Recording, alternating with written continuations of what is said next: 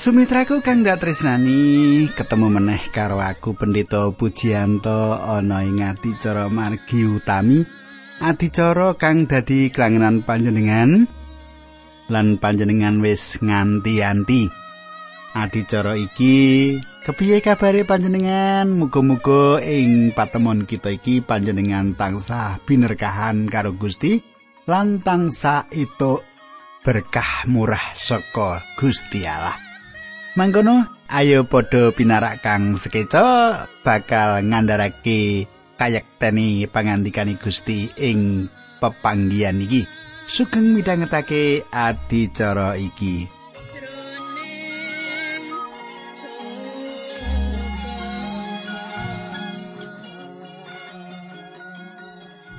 Sumitraku ana ing patemon kita kepungkur kita wis nyemak kepiye bangsa Israel tundone bali tiba ana ing sajroning panyembahan marang Brahala.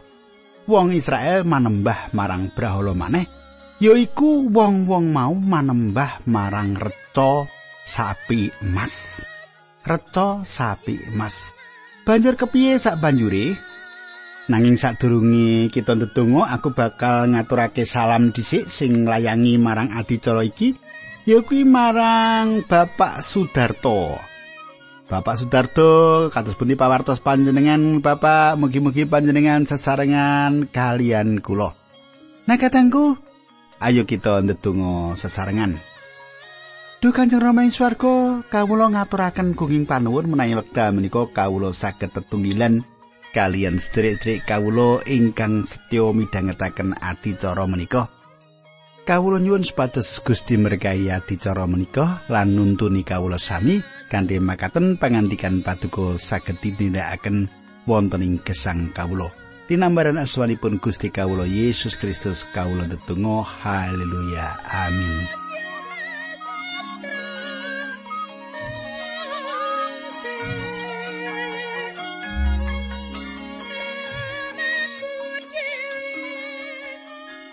Sumitraku monggo panjenengan tak derekake wiwit sinau lan kita ndeleng saka kitab pangentasan bab 32 ayat selawi. Pangentasan 32 ayat selawi mengkene unining pangandikan. Musa perso yen Harun sing ngecolake bangsa Israel kaya dene jaran kang bedal metu saka ing gedhokani temah dadi poyokane para satrune. Kadangku patrap awon. Dudu sawijining perkara kang anyar. Panjenengan bisa nyemak ing bangsa Israel ana ing lelakon iki. Nabi Musa bakal mirsani apa kang dadi sumbering permasalahan. Nabi Musa bener-bener duka nanging kepiye wae Musa ngrumangsani menawa dheweke wis dadi pantara kanggo bangsa iki. Nabi Musa ing wektu kuwi bisa ndadekake dukane Allah sirep lan ndadekake Gusti Allah paring pitulungan maneh. Wis titimangsane kanggo Musa, dheweke kudu bisa ngrampungake permasalahan kang nembe kelakon. Kadang kunalika panjenengan nandang penyakit kanker, panjenengan mestine kepingin banget buang penyakit kuwi. Dosa kuwi sawijining penyakit kanker kang ganas. Kanggo ngilangi penyakit kanker kang ganas kuwi Gusti Allah kudu nganakake operasi gedhen-gedhen.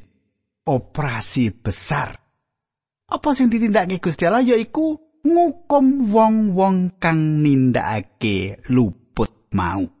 Saiki tak teruske maca ayat 6 lan 17. Musa banjur jumeneng ing sangarepe gapuraning palerepan sarta ngendika kelawan soro. Saben wong sing ngabekti marang Allah maju mrene, kelompok Lewi banjur padha teka nyedhaki Musa. Pangandikane Musa marang wong-wong mau, Gusti Allah dawuh supaya kowe kabeh padha ngunusa pedangmu, mlaku ngliwati kemah-kemah iki wiwit saka gapura iki tekan ing gapura kono sarta matenono sedulur-sedulurmu kanca-kancamu lan tangga-tanggamu Sumitraku kang dak tresnani. Paukuman iku ketok kaya tegel banget. Iku dumati awit ana dosa kang ngegirisi banget. Panjenengan ora iso kompromi karo dosa. Ana wong kang kondo kompromi kuwi patrap kang ora duwe moral. Lan perkara iku mligine ora duwe moral yen ditindakake ana ing gereja. Nabi Musa ora gelem nindakake kompromi kang kaya mengkono kuwi. Saiki kita terusake ing ayat 12 mangkene surasani. Kelompok Lewi nindakake dawuh mau lan ing dina kuwi kira-kira ana wong telung ewu sing dipateni. Sumitraku kang dak tresnani, coba panjenengan bayangake wong-wong dosa nalika semono padha dipateni kabeh. Lan iki patrap kang kaya mengkene iki ndadekake sucine kemah sing dinggoni bangsa iki.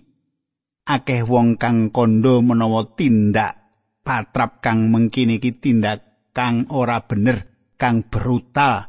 Nanging ya iki kang kudu ditindakake kanggo nyelametake bangsa iki. Menawa kanker kuwi ora enggal digua mula dosa kuwi kanker kuwi bakal sumrambah lan ngrusak bangsa iki kabeh. Panjenengan uga kudu mikirake bocah-bocah wong-wong wadon sing ana kemah sing wong-wong mau ora nindakake kaluputan apa-apa. Nek ngantek wong-wong mau ora enggal disingkirake bakal nyasarake bangsa Israel marang manembah ing brahala lan manembah ing brahala bakal diijinake terus ana ing lakone bangsa Israel lan bangsa iku ora bakal mlebu ing tanah perjanjian kang wis diprastiyakake dening Gusti Allah. Wis mesti wae perkara iku bakal dumadi ana ing gereja ing ngendi-endi papan. Kala-kala kita kurang wicaksana anggon kita ngrampungake dosa iki. Saiki kita terusake ing ayat telung puluh. Esuke Musa ngendika karo bangsa mau, "Kowe kabeh wis nglakoni dosa gedhe, dene saiki aku arep munggah gunung meneh sarta suwan marang Allah. Muga-muga kowe padha kaparingan pangapura." Kadangku, apa sing ditindakake Musa? Sawijining patrap panebusan kanggo nutupi dosa bangsa iku. Yaiku cara dosa dirampungke sadurunge Gusti Yesus Kristus rawuh ing jagat iki lan sedo ana ing kayu salib. Sawise ana salib, dosa kaapura. Saiki ayat telung puluh siji. Musa banjur munggah meneh sawane ngarsane Allah lan matur, bangsa menika sampun nglampahi dosa ingkang ageng, tiang-tiang menika sami damel Allah Mas lajeng dipun sembah. Sumitraku, Menapa panjenengan nyemak pangandikan iki apa liri? Musa ngakoni dosa. Menapa panjenengan kepingin sesarawungan raket karo Gusti Allah? Mesine panjenengan kudu duwe pemahaman bab dosa padha karo Gusti Allah. Dosa kuwi dosa lan kudu diakoni. Ora dadi masalah sapa panjenengan Israel wis nindakake dosa gedhe kanthi gawe Allah sing saka emas. Musa meratelake dosa kuwi ana ing ngarsane Allah. Diakoni lan nalika kita ngakoni dosa kita marang Allah, kita kudu ngucapake ana ngarsane Allah. Kita kudu matur kanthi blak-blakan. Kondo matur apa anane ana ngarsane Gusti Allah. Saiki kita teruske ayat telung puluh loro. Mugi Gusti kersa ngapunten dosanipun menawi mboten. Nama kawula mugi paduka icali kemawon saking kitab ingkang sampun paduka serati nama-namanipun umat paduka. Sumitraku tentu panjenengan kemutan. Bilih Gusti Allah nate ngendikan marang Musa menawa panjenengane bakal njogo perjanjiane karo Abraham, Iskak lan Yakub kanthi ndadekake sawijining bangsa saka keturunane Nabi Musa. Nanging Nabi Musa matur, menawi paduka mboten ngersakaken nuntun bangsa menika dateng tanah perjanjian pramila kula panjenengan sirnakaken sesarengan kalian bangsa menika Saiki diterusake ayat telung puluh telu, telung puluh papat, telung puluh limo. Mengkene surasani. Pangandikane Allah, wong-wong kang gawe dosa marang aku iku jenenge bakal ndak busak saka ing kitabku saiki lunga sarta wong-wong kuwi iriten menyang panggonan kang wis ndak dawuhake marang kowe ilinga yen malaikatku bakal ngirit lakumu ana ing ngarep nanging bakal tekan wektune bangsa iki ndak hukum merga saka dosa-dosane Allah banjur ndatengake wewelak marang wong-wong Israel kang padha meksa Harun gawe sapi mas mau. Kadangku, Gusti Allah bakal nuntun wong-wong iki mlebu ing tanah perjanjian. Wong-wong kang ora melu-melu manembah marang anak lembu emas bakal dipimpin dening malaikat Allah. Malaikat Gusti ana ing perjanjian lawas yaiku rawe Kristus kang ora katon. Kristus kang durung dadi manungsa. Kristus kang durung manjalma dadi manungsa. Awit dongane Musa, Gusti Allah ora nyirnakake bangsa iki. Saiki ngancik ing kitab pangentasan bab telung puluh telu. Ayat siji loro mengkene surasani. Gusti Allah banjur ngendika marang Musa kowe lan bangsamu sing kok irit saka ing tanah Mesir kudu lunga saka panggonan iki menyang negara sing wis ndak janjake marang Abraham, Iskak lan Yakub sarta turuni. Aku bakal ngutus malaikat siji ngirit kowe kabeh sarta aku bakal nundung wong kenaan Amori Het Feris Hewi lan Yebus. Kadangku nyemak pangandikane Gusti iki Gusti Allah nuju nyawisake bangsa Israel mlebu ing tanah perjanjian.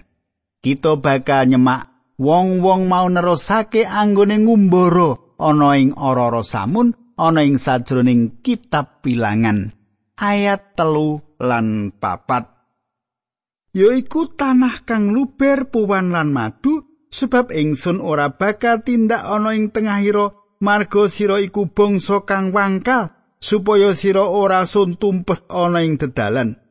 Nalika bangsa iku krungu pangandika pangancam kang gegirisi iku banjur padha susah lan ora ana siji-siji kang menganggo rerenggani. Kadangku, rerenggan iku yaiku perhiasan-perhiasan. Perhiasan-perhiasan iki sawijining tondo manembah brahala.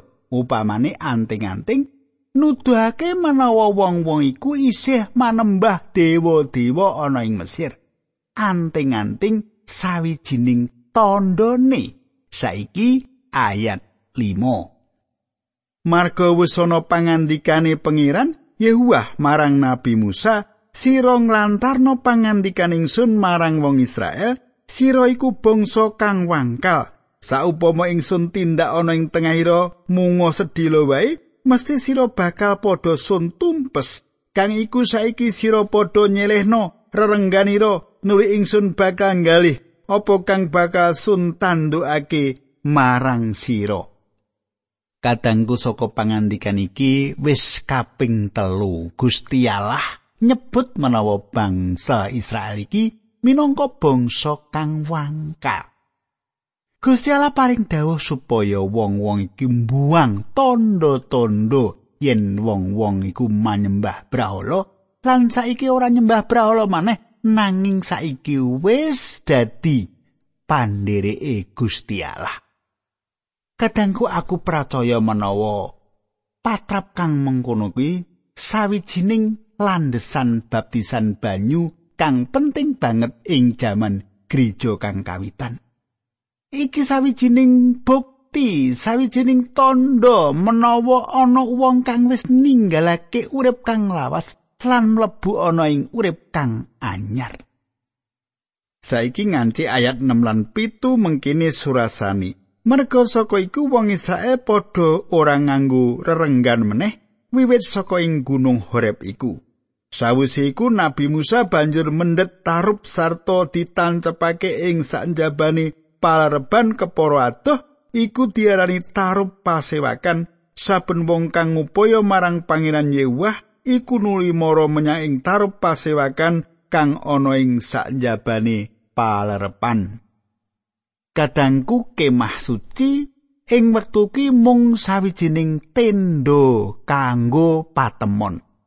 mbok menawa mung sawijining tenda utawa bisa uga pager ing sisi njaba kang sabanjure pager mau ngubengi kemah suci. Ayat 8.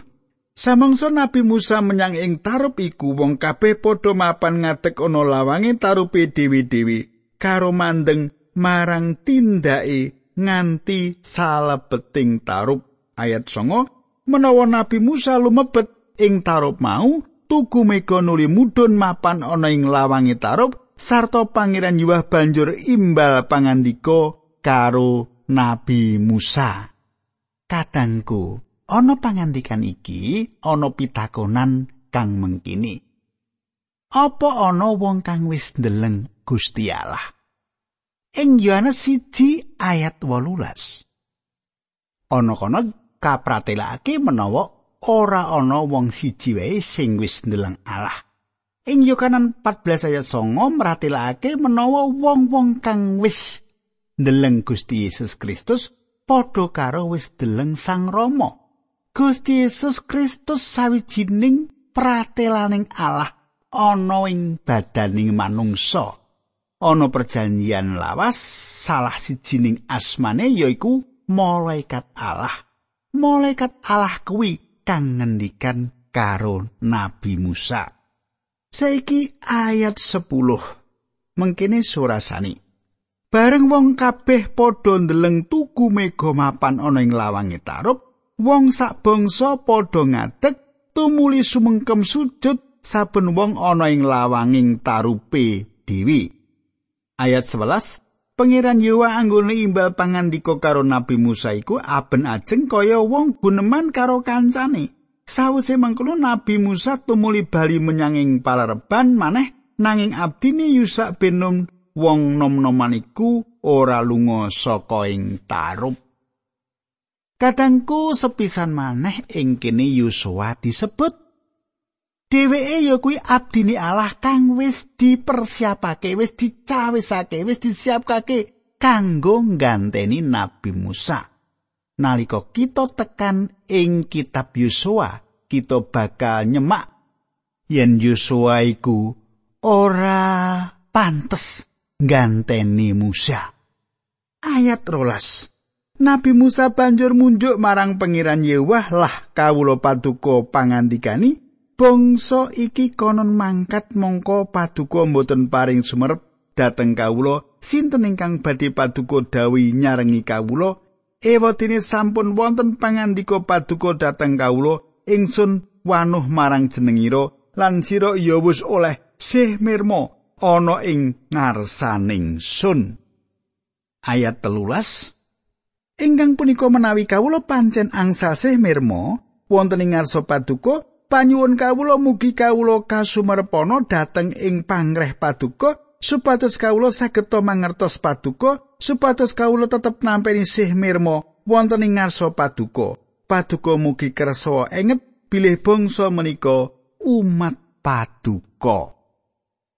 Kadangku ing ayat iki Nabi Musa nyuwun pirsa marang Gusti padha karo sing ditindakake Paulus ing layang Filipi bab telu ayat 10 kang mangkini kang ndak karepake yaiku wanuh marang panjenengani iku padha karo sing ditakokake Filipus ing Yohanes 14 ayat 8 mengkini surasani Gusti kawula mugi sami paduka tedhai Sang Rama menika supados kawula sedaya sami marem. Kadangku aku percaya saben putrane Allah kang jujur duwe pepinginan kanggo tepung karo Gusti Allah. Nah saiki tak teruske ing pangentasan telung puluh telu ayat 14 nganti 15 ayat 14 nganti 15 mengkene surasani pangantikane pangeran Yewa ingsun pribadi kang bakal nganti marang sira lan maringi katentreman marang sira. Unjuke Nabi Musa marang Sang Yewa. Menawi sanes patuko pribadi ingkang nganti kawula kawula mugi sampun ngantos patuko dawi bidal saking mriki. Panjenengan semak menika? Nabi Musa ngerti. Menawa dheweke mbutuhake Gusti Allah nganti dheweke. Nabi Musa ngerti menawa dheweke ora bisa nindakake pakaryan iku dhewean. Ayat 16. Kados pundi sagedipun kasumerepan menawi kawula sampun tampi sih mirma wonten ing ngarsa paduka inggih kawula dalah umat paduka menika. Kadangku kang dak tresnani iki penting banget. Penting kanggo digatekake Gusti Allah.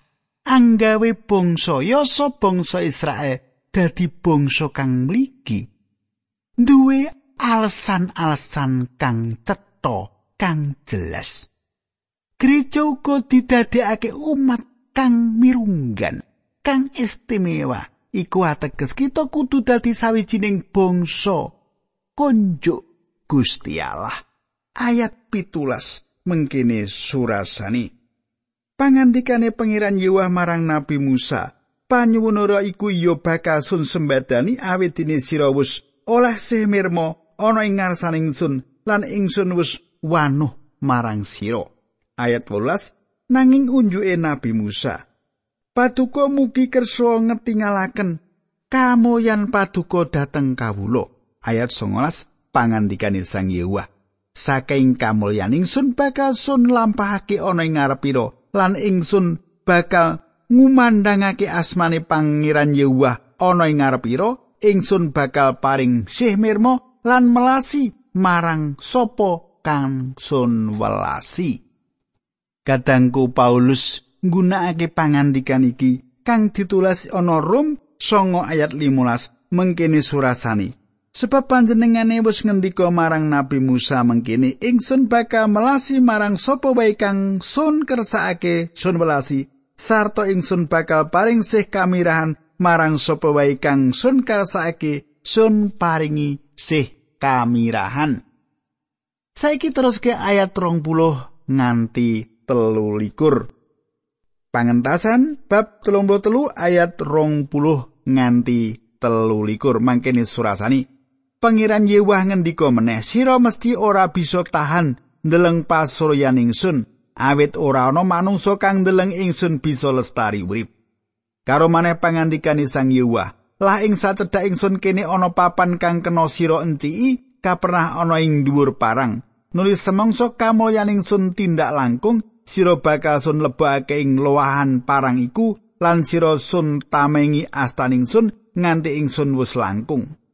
Sawuse mengkono astaning sun bakal sun singkirake lan sira bakal ndeleng pengkeraning sun nanging pasuryaning sun ora bakal katon. Kadangku perangan iki nuju meratelake bab kaluhuran awit iki makili Allah. Gusti Yesus ngendika manawa nalika panjenengane rawuh kang kaping pindhone putrane manungsa iku menawa rawuh bakal ana tondo. Bakal ana tondo karawane putrane manungsa kuwi ana ing langit. Matius 24 ayat 30 ngendikake mangkini Ing nalika iku bakal katon tondone putrane manungsa ana ing langit lan sakabehing bangsa ing salumahing bumi bakal padha ngaduh-aduh banjur padha ndeleng putrane manungsa rawuh nitih meganing langit kalawan ngasta panguwasa lan kamulyan gedhe. Kadangku tak pikir kamulyan kang dikersakake ngayat iki kamulyan sekina yaiku kamulyaning Allah ing jagat iki manut pemahamane wong Yahudi kaya sing wis dingendikake ana kitab pangentasan bab telu ayat selikur nganti telulikur. Nalika Sang Kristus dadi manungsa, kamulyan iku ora katon. sebab panjenengane ngasorake badani? Lan uga nyisihake kaluhurane? Nanging panjenengane iku tetep Allah. Ya iku sebabe panjenengane iso ngandikan sapa wae kang wis ndeleng aku iku padha karo ndeleng Sang Rama. Kadangku kang dak tresani kita ora bisa ndeleng Allah. Kita bakal ndeleng Gusti Yesus Kristus lan panjenengane bakal ngatingal ing wujud manungsa awit pancen iku sing bakal diketingalake nalika panjenengane ana ing jagat iki kaya kang kasrat ana ing siji Yohanes telu ayat loro kang mangkene surasani he para kekasih saiki kita padha dadi putraning Allah ananging durung cetha kepriye bakal kanan kita ing tembe mung wae kita padha sumurup menawa Sang Kristus ngetingal kita bakal dadi padha karo panjenengane amarga kita bakal padha ndeleng saanane panjenengane ing sejatine Kadangku kang dak tresnani ya iki pangarep-arepe wong percaya kang lumamku ing uripe ana ing sajroning iman. Ya iku sing ditindakake Musa. Musa kepingin tansah dikanteni Gusti Allah apa dheweke bakal gagal anggone nuntun bangsa iki. Kita mbutuhake astane Allah kang nganti kita ing urip kita saben dina. ing kita ngadepi masalah-masalah saben dina kita ora tau sepi ing masalah. Kita butuhake astane Allah kang nganti urip kita. Ayo kita ndedonga. Gusti Allah ingkang Mahasih kawula ngaturaken kuing panuwun. Menawi wekdal menika kawula saged tetunggilan lan saged sesarengan lan kawula sampun midhangetaken sabdanipun Gusti. Linambaran asmanipun Gusti Yesus Kristus kawula nutunggal haleluya. Amin